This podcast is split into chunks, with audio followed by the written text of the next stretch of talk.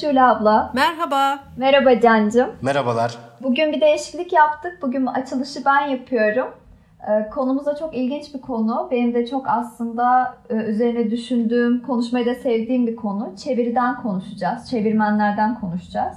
Zaten Türk olarak bir e, okur olup çeviriyle hiçbir e, yolu kesişmemiş ya da bu konuda hiç fikri olmayan biri yoktur diye düşünüyorum. Biz de iyi deneyimlerimizi, kötü deneyimlerimizi, belki e, çevirmenlikle alakalı bazı fikirlerimizi tartışacağız bu bölümde. Ben daha fazla uzatmadan Şule ablaya devredeceğim sözü. E, o başlasın. Sonra biz yine kendi sıramızla devam ederiz. Herkese merhaba öncelikle. Bu bölüm benim için bu podcast serisinin yani ikinci sezonun en önemli bölümlerinden biri. Bu çeviri konusu ve çevirmen konusu çok önemsediğim bir alan. Çünkü Türkiye'de maalesef çevirmenler bir şekilde dışta bırakılıyor. Halbuki biz çok önemli birçok eseri çevirmenler sayesinde okuyabiliyoruz. Şöyle garip bir yanılgı var. Çeviri eser çok önemli değildir. Çeviriden okumak bir eseri o eserin içine okuru alamaz. Çeviri eser eser değildir gibi e, çok ciddi yanılgılar var. E, bunu savunan pek çok insan var. Ben buna kesinlikle katılmıyorum. Çeviri öyle bir şey ki biz o sayede bugün dünya edebiyatına adını altın harflerle yazdırmış kült olarak okuyabildiğimiz kitapları çevirmenler sayesinde okuyabiliyoruz. Dolayısıyla bu bölüm benim için çok önemli. Hemen başlarken şunu söyleyeceğim hangi bir kitap bile çevirmiş olsa, hangi kitabı çevirmiş olursa olsun buradan bütün çevirmenlere şükran borçlu olduğumuzu belirtmek isterim. Ve eğer bu programı dinleyen yayın evleri varsa okur olarak talebimdir.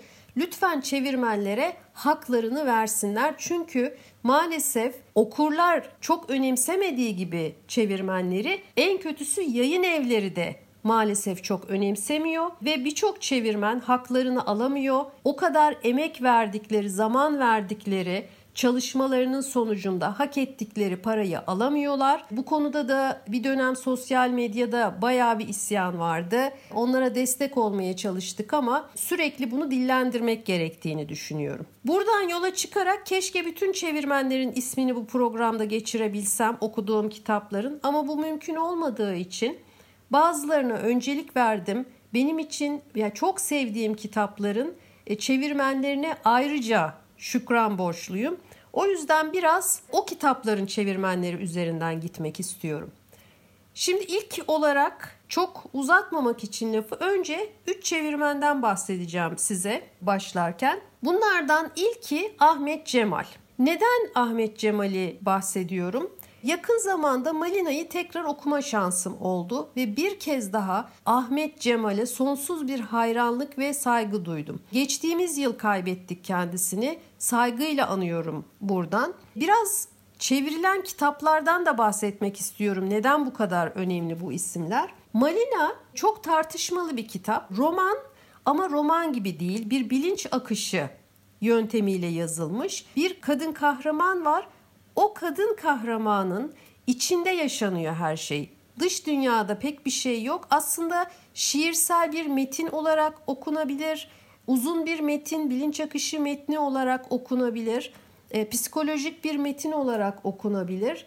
E, bir manifesto olarak okunabilir ilişkilere, aşka dair. Birçok e, kavramı yıkan, yerle bir eden bir kitap. Bir kere dil üzerine. Yani bu kitabın ana kahramanı zaten dil. Çünkü kitabın yazarı Ingeborg Bachmann dil konusunda uzman e, bir yazar ve düşünür, akademisyen.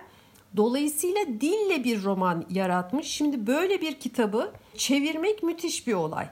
Çeviri süreci ayrıca saygıya değer. Çünkü Ahmet Cemal Malina 1971'de yayınlandığında Kitabı okumuş, çok etkilenmiş. Ingeborg Bachmann'ın diğer kitaplarını da incelemiş, okumuş. Ona dair e, birçok bilgi edinmeye çalışmış yazara ve kitaplarına dair.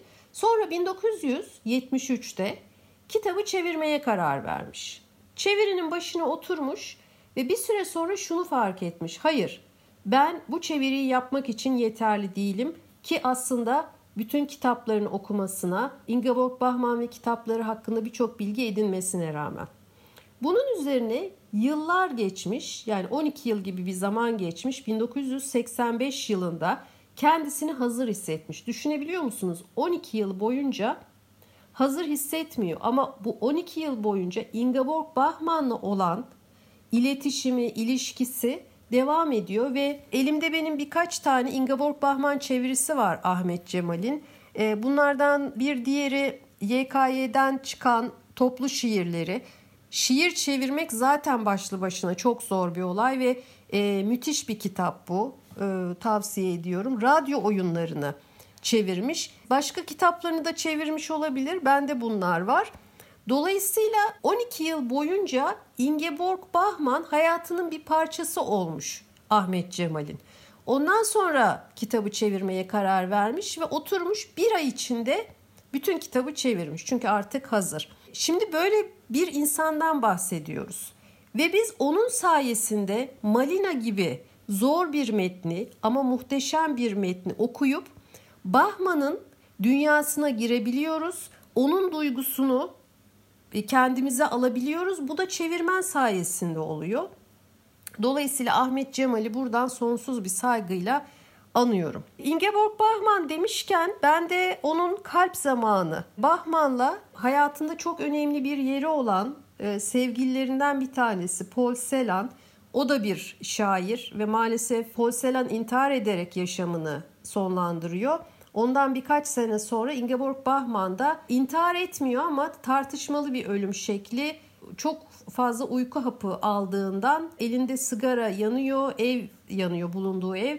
E, o nedenle ölüyor. Bu iki kişinin mektuplaşmalarını içeren Kalp Zamanı kitabını da İlknur Özdemir çevirmiş. İlknur Özdemir ismi de çok önemli. O da şu anda ismini sayamayacağım birçok okuduğumuz çok iyi kitapların çevirmeni. Onun sayesinde biz bu kitapları çok keyifle okuyabiliyoruz. Kalp Zamanı da iki tane şairin, iki tane önemli yazarın mektuplarından oluştuğu için zor, gerçekten çevirisi zor olan bir kitap. İlknur Özdemir onların yazışmalarını, aralarındaki duyguyu bize taşımayı başardığı için harika bir eser ortaya koymuş Türkçe'de. İkinci isim Türkiye'de son yıllarda tanınmaya başladı Erhan Altan. Ben kendisini yıllardır takip ettiğim için çalışmalarını, kitaplarını, yaptıklarını Erhan Altan'ın çalışmalarına hakim bir okurum. Onu da niçin anacağım? Erhan Altan aslında bir mühendis İTÜ ve Viyana Teknik Üniversitesi'nden mezun olmuş. Bu iki üniversiteden diplomaları var. İstanbul ve Viyana'da yaşıyor. Şiirle çok ilgili 2000 yıllarına doğru Viyana şiiriyle tanışıyor ve hayatı bir anda değişiyor. Ve kendisini Viyana ile İstanbul arasında yani Türkiye ile Avusturya arasında bir şiir elçisi konumuna kendisini sokuyor. Türkiye'deki şiirleri Viyana'da özellikle de Viyanalı şairlerin şiirlerini de Türkçe'ye kazandırmaya çalışıyor. Kendisini bu işe adıyor. Şimdi burada yaptığı iş sadece çivi, şiir çevirisi olarak bakmamak lazım. Çok zor bir işi yapıyor. Çünkü Viyana'da tanıştığı şiir somut şiir yani deneysel şiir. Deneysel şiir de Türkiye'de çok yaygın değil. Birçok insan ismini bile bilmiyor. Şöyle ki deneysel şiiri yazan şairler e, dilin sınırlarını zorluyorlar. O sınırlarda dolaşmaya çalışıyorlar. Dili yerle bir edip yeniden kurmaya çalışıyorlar ve öyle şeyler çıkıyor ki ortaya somut şiir ya da deneysel şiir dediğimizde çok basit anlamıyla ben söylüyorum. E, detayını merak edenler Erhan Altan'ın yazdığı, çevirdiği kitaplara bakabilirler. İşte örneğin tek bir dizeden oluşan bir şiir, harflerden oluşan bir şiir. Şiirin ritmini, dengesini yerle bir ediyorlar. Yeniden bir ritim kazanıyorlar, kazandırıyorlar. Yani mesela harflerden bakıyorsunuz kelime yok şiirin içinde. Harfler var ama onlar da size bir şey anlatıyor. Ee, Erhan Altan aslında bir yandan da şiir eleştirmeni ve şiir yorumcusu. Hem Türkiye'li şairlerin hem Viyanalı şairlerin birçok şiirini çok kapsamlı bir biçimde yorumluyor, eleştiriyor. Ee, o yazıları da çok iyi. Şöyle güzel bir şey oldu Türkiye'de. 2017 yılıydı sanırım. Nilüfer Belediyesi Bu arada edebiyat konusunda çok önemli işler yapan bir belediye. Eleştiri, şiir eleştirisi konusunda bu konuya dikkat çekmek amacıyla bir ödül Mehmet H. Doğan adına bir ödül koyuyor. 2017 yılında ilk e, yapılan bu ödül, ilk verilecek olan bu ödülü de Erhan Altan'a veriyor. Ödülü alma sebebi de bu gece neden uyuyamıyorum evimdeki yatağımda başlığıyla. Bu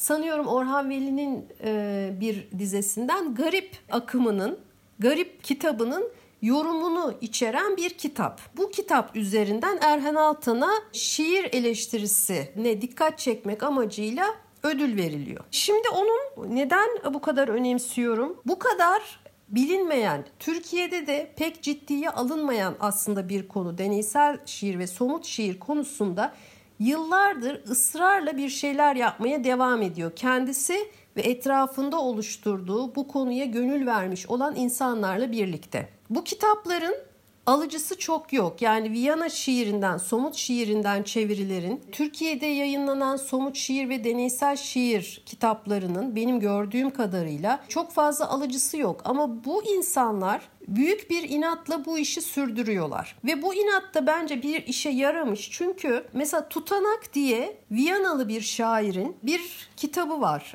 Doğru okuyamıyor olabilirim ismini. Heimrat Becker diye Viyanalı bir şair. Tutanak Erhan Altan ve Selda Saka tarafından çevrilmiş. O kadar çevirisi o kadar zor bir kitap ki çünkü şöyle bir şiir kitabı, somut şiir kitabı. İkinci Dünya Savaşı'nda Nazilerin, Nazi kamplarında yaşananların gerçek belgelerinden doğrudan alınmış, alıntılanmış kelimelerin, harflerin, sayıların, cümlelerin, e, örneğin o kamplarda yapılan insan deneylerinden alınan bilgilerin direkt kitaba yansıtılmış hali. Yani kitabın zaten mesela e, bunların hepsi bir şiir olarak alınıyor. Çevirisi çok zor. Şimdi bazılarının çevirisi kolay. Çünkü niye? Mesela bir sayfayı açıyorsunuz. İlk şöyle başlıyor kitap.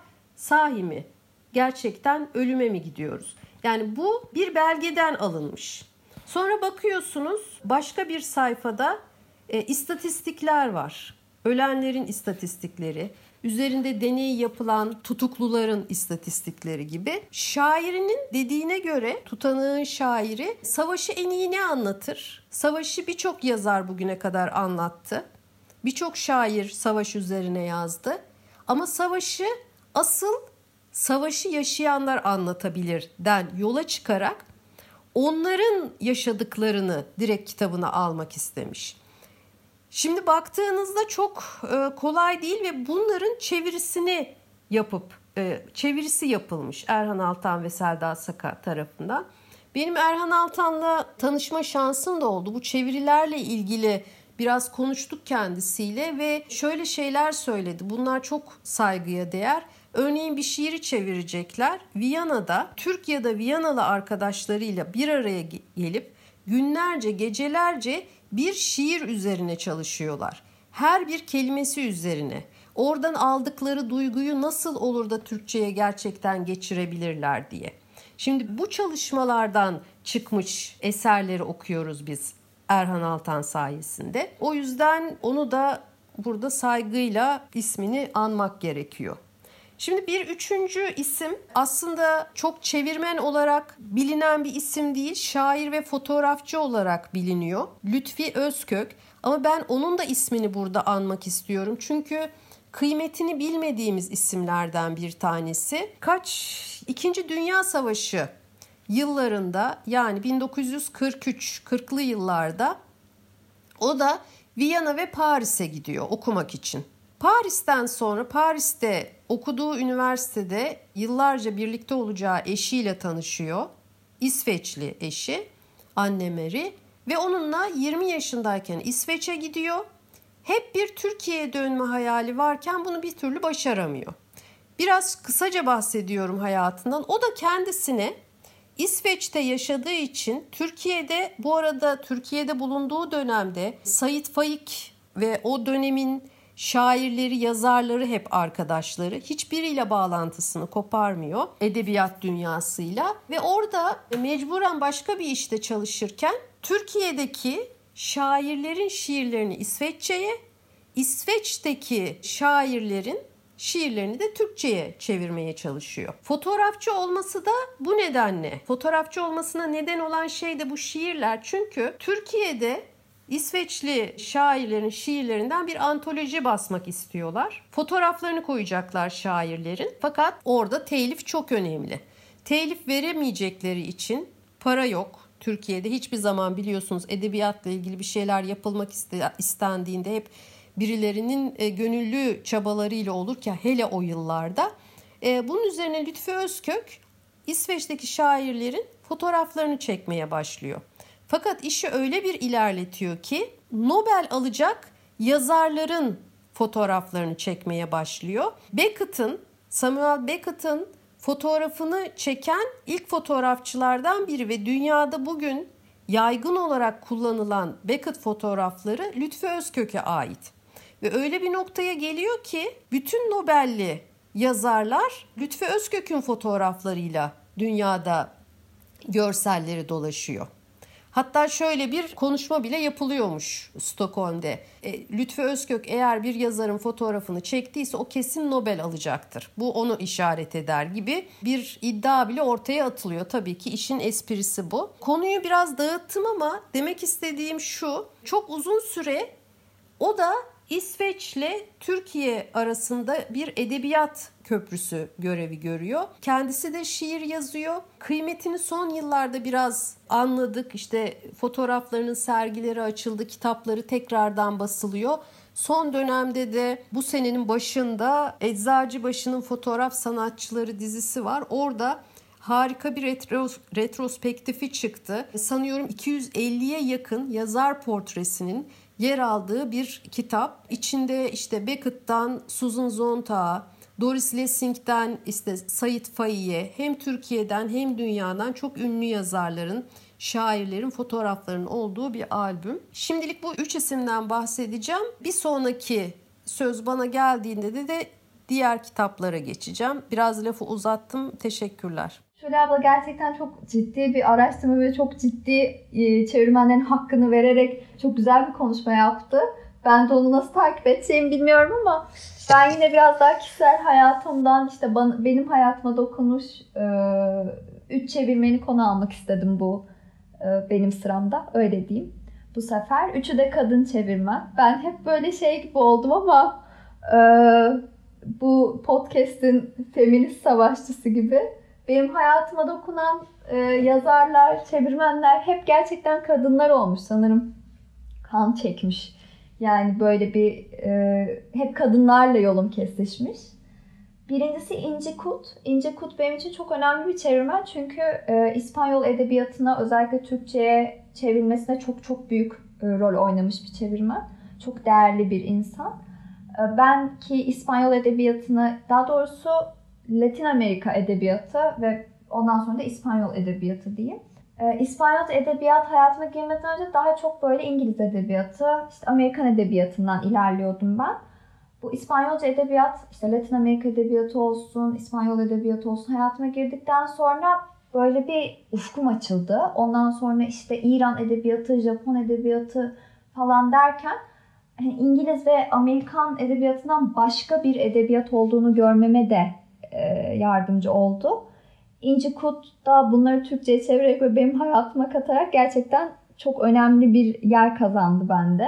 E, Marquez'in ve Allende, Allende'nin birçok kitabını Türkçe'ye çeviren kişi zaten İnci Kut.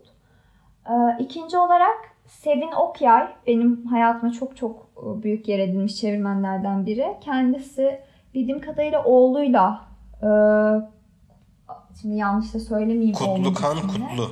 Kutlukan Kutlu ile beraber Harry Potter kitaplarını da çevirmiş insan. Onun dışında benim böyle küçükken okuduğum Sevgili Salak Günlük diye bir seri vardı tabii yani böyle çocuk edebiyatı falan ama benim işte kitapları sevmeme, böyle biraz daha esprili bir çocuk olmama yardımcı olmuş kitapları da hayatıma kazandıran Sevim Okyay oldu. Daha sonra İngilizce öğrendiğimde biraz daha ilerlediğimde tabii bu kitapları İngilizce de okuma şansını yakaladım. Ama bazen böyle şey vardır ya çocuk filmlerini, çocuk çizgi filmlerini falan Türkçe'de izlersin böyle çok hoşuna gider çocukken izlediğin. Sonra büyüyünce İngilizce de izlersin ama sanki aynı tadı vermez yani. Dublaj seviyor muyum falan diye kendi sorgularsın. Biraz ben de onu e, hatırlatmıştı. Yani tabii ki İngilizce okuduğumda da çok sevdim ama o çocukken Türkçe okuduğum tatta çok farklı bir şey varmış. Bunu da tabii ki çevirmene borçluyum. Yani o çevirmen bu kadar iyi, bu kadar yani bir çocuğu bile bir çocuğa bile bir çeviriyi sevdirebilecek kadar yetenekli olmasa böyle bir deneyimim olmazdı. Üçüncüsü de Mina Urgan.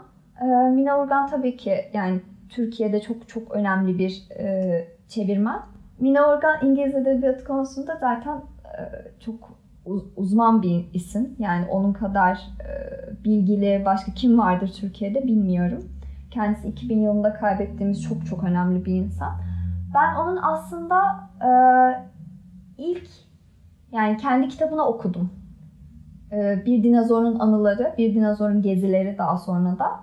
Ve bana çok e, ilginç bir kadın gibi gelmişti. Yani bu bu kadının yaptığı şeyleri görmek istiyorum diyerek gerçekten de sineklerin tanrısını okudum. Sırf çevirmeni o diye okudum.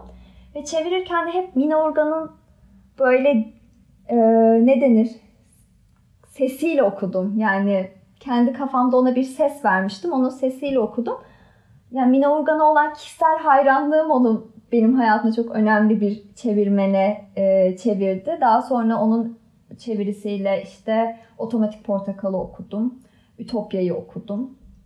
E, şimdi işte önümde bir Moby Dick e, var okumak istediğim. Mina Organ'ın çevirisiyle okumak istediğim tabii ki. Yani burada da aslında Mina Urgan beni o kadar etkiledi, o kadar sevdim ki onu. Onun çevirdiği şeyleri okumak istedim. Yani onun çevirdiği şekilde okumak istedim. Ee, böyle de devam edeceğimi düşünüyorum. Böyle ben bu üç çevirmenle gerçekten çok e, güzel bir yolculuk geçirdim. Zaten çeviri şöyle ki gerçekten rezil de ediyor, vezir de ediyor. Birçok şeyde bunu da görmüşüzdür. Ben hiçbir şekilde yeteneksiz olduğunu düşünmediğim e, birçok çevirmenin yazısını okudum. Yani çevirmende bir sıkıntı olduğunu asla düşünmedim. düşünmedim. Okurken de zaten ya şu an çevirmende bir sorun yok. Yani bir dili çevirmek o kadar zor ki, bir dildeki edebi eseri çevirmek o kadar zor ki bunu fark ediyorsunuz. Yani o düz yazının içinde mesela bir şiir varsa o şiire hakkını vererek çevirmek ya da ne kadar iyi çevirirsen çevir hiçbir şeyini kaybetmeden o lost in translation denilen bir kavram var ya e, çeviride kaybetmek. Yani çeviride bir şeyleri kaybetmeden çevirmek mümkün olmuyor bazen. Ve mesela bu gerçekten e, çevirmenler için de çok zor olsa gerek. Çünkü hakkını vermek istiyorsundur. Yani okuduğun o şeyin sana hissettirdiğini o dili bilmeyen kişiye de hissettirmek istiyorsun. Ve bunu yapmak ne kadar zordur, ne kadar emek istiyordur benim aklım almıyor gerçekten. O nedenle duyduğum saygı çok büyük. E, bunun dışında yani bazı diller mesela geçen kitap kulübünde konuşmuştuk biz bunu üçümüzün de bulunduğu kitap kulübünde. Fransızca gibi bir dil İngilizceye göre çevirisi çok daha zor ol, zor e, olduğu yani düşünülen ya da birçok insan tarafından kabul edilen bir şey. Tabi tartışmaya açık bu. Ama bazı dillerde yani bu çevirmenden bağımsız bir şekilde bazı dillerin diğer dillerle uyumu, onlarda e, kelimelerin birbirini ifade eden kelimelerin bulunması konusu bunlar gerçekten ne kadar emek istediği düşünüldüğünde şu Türkiye'de özellikle çevirmenlere verilen değer daha da üzücü hale geliyor benim için. Çünkü birçok çevirmenle Twitter üzerinden de e, etkileşimlerim oluyor.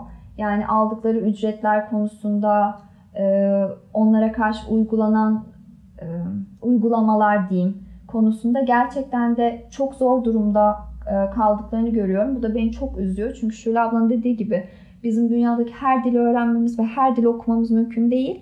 Ama biz birçok edebiyattan birçok kitabı okuyabiliyoruz. Çünkü çoğu çevirmen bizi bunu yapabilmemiz için günlerini, haftalarını, aylarını harcıyor. Kendilerinden bir şeyler koyuyorlar. Ee, ve yani başka bir yazara, başka bir esere büyük bir sorumluluk gerçekleştiriyorlar. Bunun bence de daha fazla farkına varılması gerek diye düşünüyorum. Ee, daha da söz uzatmadan cana bırakıyorum. Çok keyifle dinledim söylediklerinizi. Bu bölümde ben biraz daha geriden gelmeyi, biraz daha az konuşmayı yeğledim. O yüzden çok uzatmayacağım. Çünkü benim şöyle bir eksikliğim var. Ben okumayı sevdiğim türlerde özellikle bildiğim bir dilse yani aç parantez İngilizce ise çünkü başka bir yabancı dil bilmiyorum. Kitabı İngilizce okumaya çalışıyorum elimden geldiğince. Yani elimde eğer Türkçesi var da ben illaki İngilizcesinden okuyacağım diye o kitabı bir kez daha İngilizce baskısından edinmiyor isem o zaman işte Türkçesini okuyabiliyorum ama seçme şansım bir noktada varsa bazen burada kurgu dışında kaynak göstermek e, durumuyla ilgili de böyle bir duyarlılığım olabiliyor. Yani özgün baskıyı kaynak göstereyim gibi duyarlılığım da olabiliyor. Tabi şeyden e, söz etmek gerekiyor. Kurgu dışı bunun bambaşka bir boyutu. E, edebiyat bambaşka bir boyutu. Dolayısıyla ben çeviriden, e, çeviri yazından, çeviri edebiyattan çok e, ya da yeteri kadar diyeyim çok demeyeyim nasiplenen bunun hakkını verebilen biri olduğumu açıkçası düşünmüyorum. Bu çeviri okumadığım anlamına gelmiyor. Yani Türkiye'de e, çeviri e, okumayıp yani kitap okuyup çeviri okumamak, çeviriyle yolun kesişmemesi sizlerin de ifade ettiğiniz gibi çok olanaklı değil. Dolayısıyla mutlaka çeviri okuyorum. Sıklıkla da çeviri okuduğum oluyor ama özellikle önem verdiğim kitapları İngilizce ise e, ve özel olarak çevirisinden okumamın bir gerekliliği yok ise eğer böyle bir kararı vermek şımarıklığını göstermemin kibir olarak algılanmayacağını umarım. E, İngilizcesinden okumayı yeğliyorum. Daha da çok keyif alıyorum. Bunun bir nedeni aslında benim de bu sohbete katabileceğim sanırım e, önemli bir nokta olabilir. Benim e, artık e, bu bölüme dek bizi dinlemiş olanlar varsa benim suç yazımına ne kadar önem verdiğimi e, yakından biliyorlardır. Türkiye'de suç yazımı yani polisiye gerilim aksiyon e, romanları filan e, yalnızca bir okul olarak okur olarak yaklaşımım e, değil. Bunu editörlük yaptığım zamanda da e, birinci elden gözlemlemek şansım oldu. Türkiye'de yalnızca ve yalnızca para getirmesi için e, basılan, çevrilen yani yeter ki diyelim ki sallıyorum tümüyle Agatha Christie yani şu anda Agatha Christie'nin e, birden fazla yayın evinde yayınlanması falan gibi bir durum zaten yok ama diyelim ki var ya da e, telifi açıldı siz o kitapların haklarını yayın haklarını alabilecek durumdasınız. Çok eğer bu konuda iddialı bir yayın evi değilseniz biraz da böyle ortalama falan bir yayın eviyseniz tepkiniz evet bizim yayın evimizden de Agatha Christie'nin kitapları çıkıyor demenin önemi. Yani burada sizin e, onu yalnızca bir işte maddi boyutuyla ele alıp bundan bir beklentinizin e, olması durumu ortaya çıkıyor. O yüzden de özellikle çok satan işte bestseller falan denen e, romanlar Türkiye'de sıklıkla yalnızca maliyet hesabıyla yapılan işin niteliği e, büyük oranda göz ardı edilerek e, basılıyor. Bu zaman içerisinde özellikle gençlik yıllarımda beni e, kitaplardan belli tür e, kitaptan çok soğuttu. Çok yorucu bir duruma geldi çünkü. Okuduğumdan keyif almıyordum. Yani o zaman ne ölçüde bir e, gelişmiş yazınsal zevkim vardı bilmiyorum. Tartışmak gerekir belki ama bir biçimde artık özellikle çok da özenli çevrilmemiş çevirilerden benim çok sıtkım sıyrılmıştı. Dolayısıyla da okumayı bıraktım. Yani e, zaten işin içinde bestseller falan girdiği zaman kimleri okuduğunuzu iyi seçmek gerekiyor. Yani gerçekten burada şeye düşmek istemiyorum. Bestseller denen, işte çok satan kitap denen şey kötü kitaptır zaten. Ezberine düşmek istemiyorum ama gerçekten de kötü kitapların e, çok satan olma olasılığı e, yüksek. Yani böyle bir burada bir oran orantı hesabı yapıldığı zaman bir biçimde o çok satanlar listesine kötü ya da belli bir niteliğin e, altında ya da belli özelliklerden, belli bir derinlikten yoksun, belli bir edebi değerden yoksun kitapların girme olasılığı çok somut bir biçimde ortaya çıkıyor. Dolayısıyla da bir yerden sonra ben artık da istemiyorum. Demek ki ben sevmiyorum bu tür kitapları falan demiştim. Bir yaştan sonra İngilizce okumaya başladıktan sonra ben e, burada çevirinin olumsuz etkisinin ayırdığına vardım. E, tabii olumsuz bir noktadan girdim. E, şunu açıklamak için neden çeviriyle e, sizler kadar ilgimin olmadığını açıklamak için buradan girdim. Çünkü benim e, kendimi e, büyük oranda ait hissettiğim yazımsal türün Türkiye'deki çevirisi ortalama olarak ne yazık ki çok iyi değil. Şimdi Sevin Okyay'dan ilkin söz etti. Çok iyi yaptı. Ben geçtiğimiz günlerde Hayvan Çiftliği'ni, George Orwell'in Hayvan Çiftliği'ni ilk kez okudum. Ee, bu yaşta Hayvan Çiftliği'ni ilk kez e, okuyarak e, kitaplarla ilgili bir podcast yapmaktaki yetkinliğimi de ortaya koymuş oldum. Ama zaten ilk sezondan beri bir takım klasikleri e, okumadığımı ve e, çok da aceleci hissetmediğim bu konuda dile getiriyorum. E, hiç aceleci hissetmeyerek Hayvan Çiftliği'ni 27 yaşında okudum. Sevin Okyay çevirisinden okudum. E, George Orwell'in 2021 başında bütün yayın evlerinden çıkan kitapları gibi e, şeyde Türkiye'de en azından sanırım yurt dışında böyle bir orji yaşanmadı. Yani yaşanmıyor da yazarların telif hakları düştükçe herkes bir anda onları basmaya başlamıyor. Benim görebildiğim kadarıyla bir takım çok eski yazarların işte Alexander Dumas'ın işte ne diyelim Charles Dickens'ın filan özellikle e-kitaplarına filan denk geldiğiniz zaman sayısız baskısına ve sayısız varyasyonuna, değişkesine e, denk geliyorsunuz ama e, işte George Orwell'in telif hakları herkese açıldı 2021 başında. Hadi bakalım bir anda 79 yerden yayınlayalım denmiyor. Doğru mudur yanlış mıdır başka bir tartışma konusu. Bana kalsa çok yanlış bir şey değil bu yabancıların yaptığı şey. E, Türkiye'de böyle bir şey yaşandığı için e, Kırmızı Kedi yayın evi de hayvan çiftliğini bastı. Benim hayvan çiftliğinde Kırmızı Kedi'nin baskısını yeğlememin nedeni Kırmızı Kedi'yi e, çok sevmem değil. E, Kırmızı Kedi'yi ben çok severim. E, sosyal medyada falan da belki e, takip edenler varsa denk geliyordur. Yakından takip ederim ben Kırmızı Kedi'nin yaptığı işleri. Ancak bu kitap özelinde Kırmızı Kedi diye onu seçmedim. Sevin Okyay diye. O baskıyı aldım. Sevin Okyay'ın çevirisi olduğu için.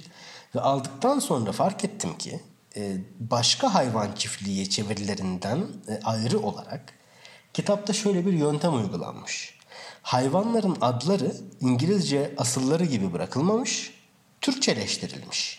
Bunu zamanında benim bu alt üst kitabın ilk bölümünde e, anlattığım Enid Blyton'ın veya Bilton'ın e, Gizli Yediler baskılarında da e, emin değilim sanırım inkılap basıyordu onları çok emin olamıyorum. Bendeki baskılarını.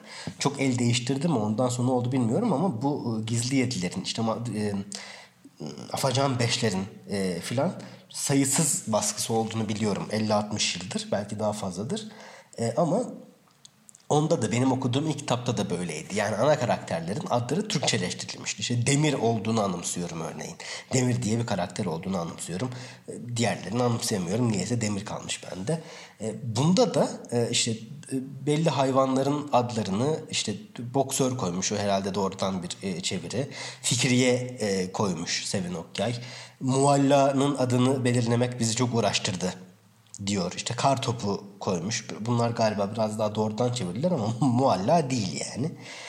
Bu anlamda Sevin Okyay'ın bir çevirmen olarak yalnızca kitabın aktarıcısı olmanın ötesinde bir görev üstlendiğini dile getirmek gerekiyor ve ben bundan biraz da riskli bir şey olarak görülebilir. Belki okur bundan çok keyif almayacak. Belki biraz daha çevirmenin e, daha az karıştığı bir metin okumak isteyebilir diye düşünülebilir. E, bende hiç böyle bir şey olmadı. Ben çok keyif aldım.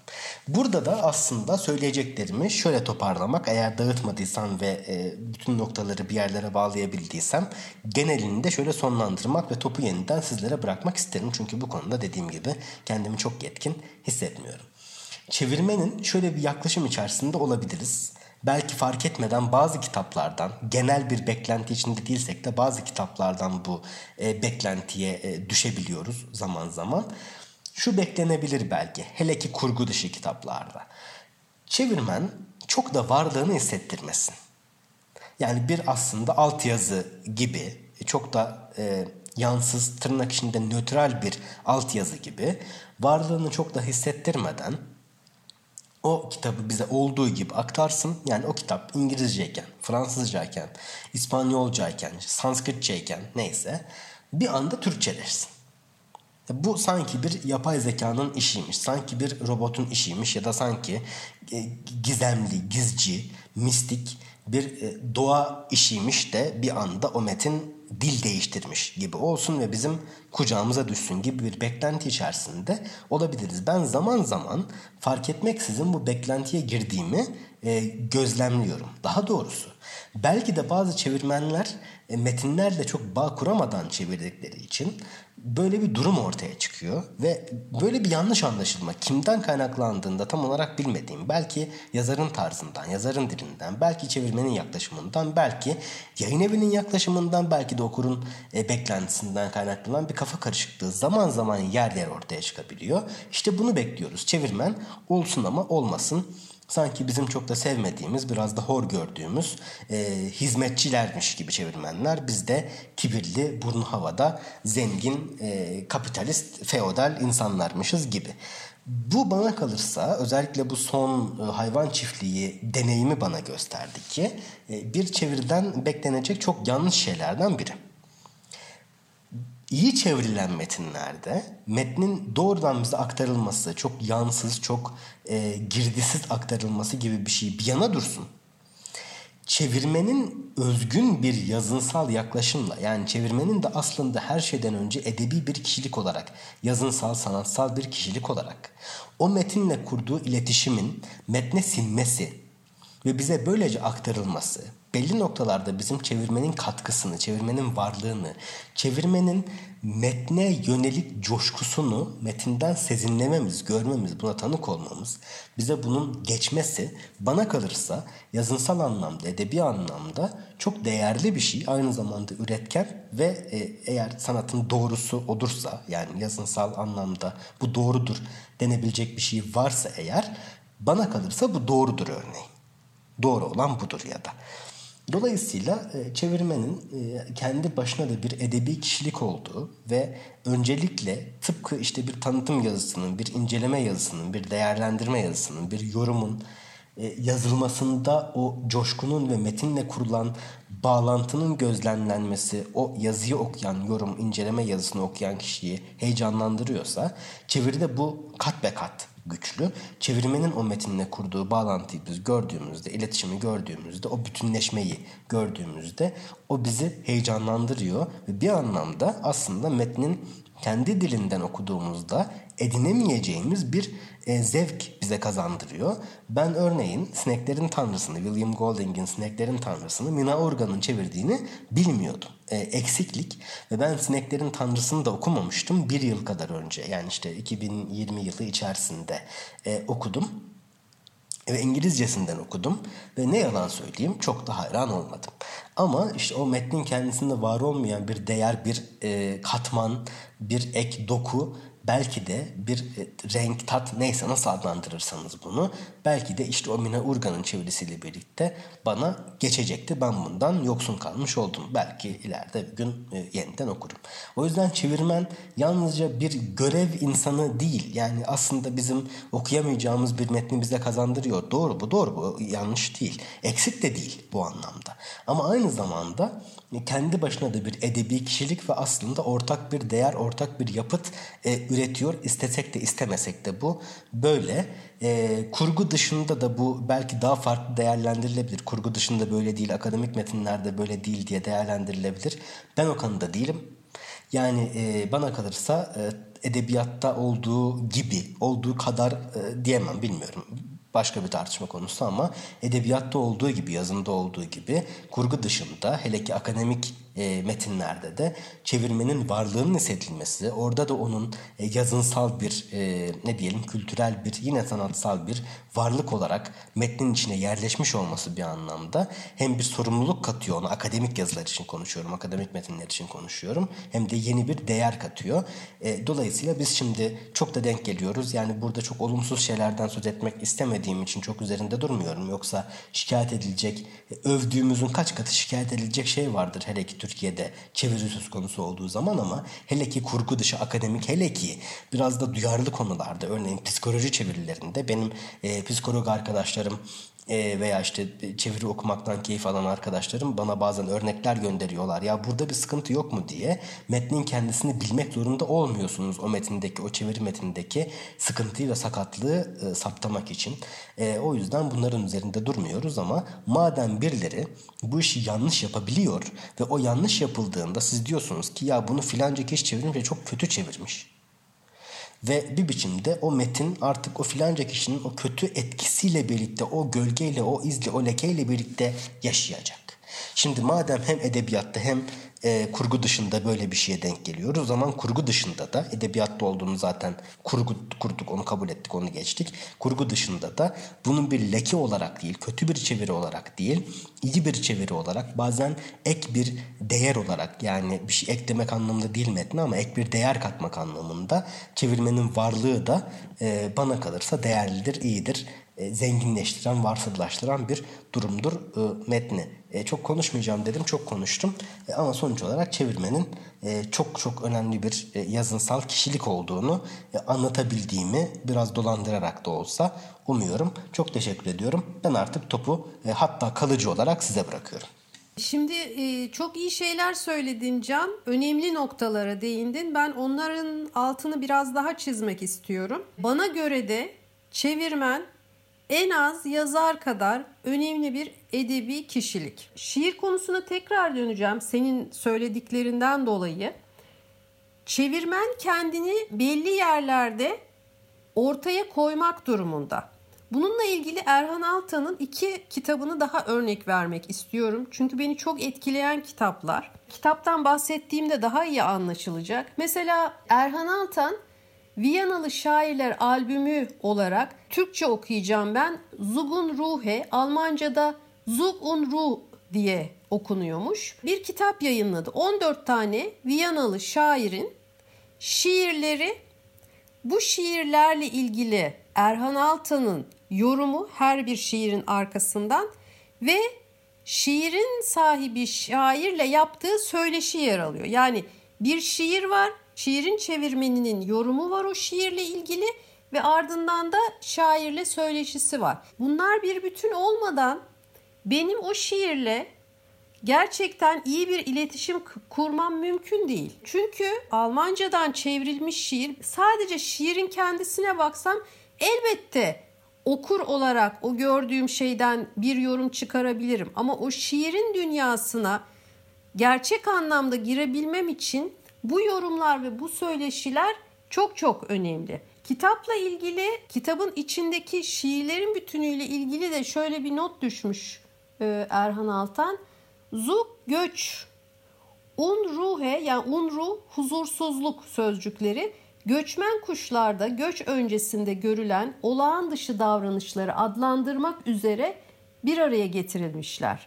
Yani bir dünyadan ötekine geçişin kaçınılmaz, istem dışı ama yön gösterici huzursuzluğu göç huzursuzluğudur. Zugun ruhe bu anlama gelir diye bir açıklama getiriyor. Dolayısıyla ben biliyorum ki bu Erhan Altan'ın yorumlarıyla bir de e, Erhan Altan'ın özelliği bu yazdıklarından hep anlıyoruz. İkinci Dünya Savaşı sonrasının şiirini çeviriyor genelde. Bu şiir ve zaten Viyanalı şairlerin büyük bir kısmı doğal olarak bu savaştan etkilenerek şiirlerini yaratıyorlar.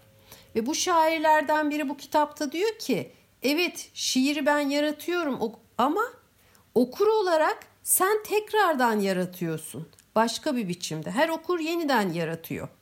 İşte çevirmen bunun aracılığını yapıyor. Yine aynı şekilde e, Altan'ın çevirdiği bir kitap var. Onun e, Zeus'ların dediği Viyanalı iki ünlü şair Cezernin ve Frey diye onların aforizmalarını çevirmiş. Yani şiir çevirmek zaten zor. E, bir de e, dil ustası, dille oynayan iki şairin aforizmalarını çeviriyor. E, doğal olarak kitabın başında ve sonunda Erhan Altan'ın bu şiirlerle ilgili yorumları var. Onlar olmadan bu aforizmalarla doğru anlamda bir iletişim kurmak çok mümkün değil. Yine kurarız ama o eksik bir iletişim olacaktır. Şimdi burada çevirmen biraz daha kendini belli ediyor. Şimdi diğer kitaplara geleceğim. Çevirmenlerinden örnek vermek istediğim ve çok etkilendiğim kitaplar. E, Kazuo Ishiguro'nun Günden Kalanlar filmi de oldu biliyorsunuz bunun. Çeviren Şebnem Susam Sarayeva. Şimdi niye bu çeviri benim için çok önemli? E, bu kitapta birçok şey anlatılıyor. Kitabın alt ve üst metinleri var. E, ve bu alt metinlerden birisi de bir aşk. Kitabın iki kahramanı arasında geçen bir aşk ama ne aşka dair bir kelime var ne bu iki kişi birbirine dokunmuyorlar bile. Fakat biz kitap boyunca o aşkın şiddetini, etkisini, yoğunluğunu her bir kelimede, her bir cümlede görebiliyoruz. Bunu çevirmen sağlıyor bana. Kendi dilinde okusam alabileceğim bu duyguyu ben çevirmenin başarısı sayesinde alabiliyorum ve ben çok etkilendim bu kitabın dilinden. Ya dil çok acayip bir şey. Sonuçta yazar bir dil yaratıyor her kitapta ve çevirmen de alıp o dili Türkçe'de bize getiriyor. Bu çok mucizevi geliyor bana. O yüzden ben çok saygı duyuyorum çevirmenlere ve çok önemli olduklarını düşünüyorum. Diğer bir örnek e, benim çok etkilendiğim kült e, benim hani ilk onda yer alan kitaplarımdan biri Mülksüzler Ursula K. Le Guin'in. Onun çevirmeni Levent Molla Mustafaoğlu. Bu da aynı şekilde. Hani okurken mesela burada çevirmenin kendisini göremiyoruz. Varlığını çok hissedemiyoruz. Bitirdiğim zaman ama ben o kadar etkileniyorum ki kitaptan ve o zaman farkına varıyorum. Yani bu çeviri sayesinde, bana gelen Türkçe sayesinde e, Le Guin'in dilini Türkçe'de bana yansıtabildiği için ben bu kitaptan bu kadar etkileniyorum. Diğer bir örnek, birçok örnek var ama hani hepsine yer olmadığı için bu son örneğim benim. Ee, birlikte okumuştuk yine kitap kulübünde. Erland Loe'nin, Erland Loe diye okunuyor sanırım, Doppler isimli kitabı. İncecik bir kitap. Ee, Dilek Başak'ın çevirisine hayran kaldım ben. Çünkü orada çok basit cümleler ama basit çok zordur. Çok basit cümleler olarak Türkçe yan yana gelmiş ama bir şeyi örneğin bir ağacı bin çeşit anlatabilirsiniz. İşte Dilek Başak sanıyorum Nor Norveççeden çevrilmiş. Norveç dilinde basit bir şekilde yazılmış bu cümleleri aynı basitlikte ama etkisi okur üzerinde çok yoğun olan bir biçimde Türkçe'ye çevirmiş, bize yansıtıyor. O yüzden çok önemli. Şimdi de bir tane eleştiri getireceğim. Hem ilkin değindi hem sen değindin Can. Çeviride edebiyat tadını bizim almamız gerekiyor. Bir çevirmenin, edebi bir eseri çeviren kişinin e, edebiyatla çok haşır neşir olan birisi olması lazım. Ya İngilizcesi çok iyi olabilir bir insanın. İşte ya da çevireceği ne, neyse Norveç, Norveççe, Japonca, Almanca çok iyi olabilir bu dilde e, bilgisi, birikimi. Ama edebi bir birikimi yoksa, edebi bir e, yaklaşımı yoksa bu çeviriyi yapmak kolay değil ve iyi olmuyor. Şimdi aslında vereceğim örnek vejeteryan Han Kank'ın ödül de almış e, bu kitap. 2016 Uluslararası Man Booker ödülünü almış. Göksel Türközü Ankara Üniversitesi Kore Dili ve Edebiyatı bölümünden mezun olmuş aslında ve Kore'de yaşamış. Çok iyi Kore dilini biliyor. Ya edebiyatla ilgili de olduğunu düşünüyorum. Fakat ben vejeteryanı okurken bir türlü kitaba giremedim. Kitaba istediğim ölçüde yakınlık kuramadım. Şimdi bir kitap bizi etkilediğinde biz o kitabın dünyasının içine gireriz. Yaşadığımız günlük dünyadan çıkarız, koparız. Kitap ve biz vardır. Başka ya kitap ve okuru vardır. Başka hiçbir şey yoktur. Ben böyle bir kitaptan etkilenmek demek benim için budur. Fakat ben bir türlü bu kitabın tam olarak içine giremedim. Halbuki fikir, kurgu, geçen içinde geçen hikayeler, yazarın bize vermek istediği mesajlar, duygular, bizi sarsan hikayeler hepsinin önemli olduğunu biliyorum. Etkileyici olduğunu biliyorum ama bir türlü tam olarak içine giremiyorum.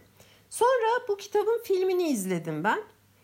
Filmi izlediğimde o eksikler yerine oturdu.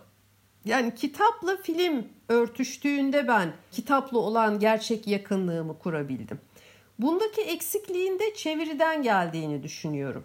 Çünkü dediğim gibi basit bir cümleyi bile çevirirken o eserin yazarının vermek istediği duyguyu da çevirmenin bize aktarması gerekiyor. Okur olarak maalesef bu gerekiyor lafını kullanmak zorundayım. Çevirmenden bizim beklediğimiz bu. Yoksa işte senin belirttiğin gibi Can doğrudan hani bir çeviri bu değil mesele.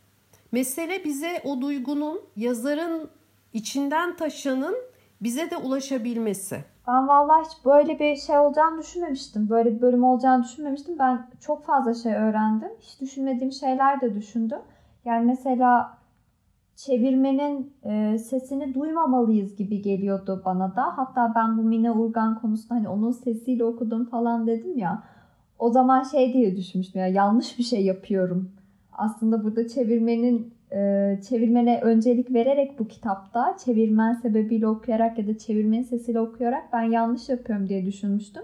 Ama Şule ablanın konuşmasından sonra mesela e, daha farklı düşünmeye başladım. Yani ve senin de dediklerinden sonra belki de gerçekten çevirmen orada etkisiz eleman olmadığında yani öyle görmediğimizde onun da esere katkısını, onun da yorumunu, onun da e, bakış açısını bir okur olarak değerlendirdiğimizde o kitap daha da zenginleşiyor belki de. Bundan sonra okuduğum çeviri kitaplarda mesela buna dikkat edeceğim kendi açımdan. Yani çevirmen bu kitaba neler katmış konusuna. Benim için ilginç bir deneyim olacak diye düşünüyorum. İlginç bir macera olacak. O nedenle çok mutluyum bunu konuştuğumuza ben.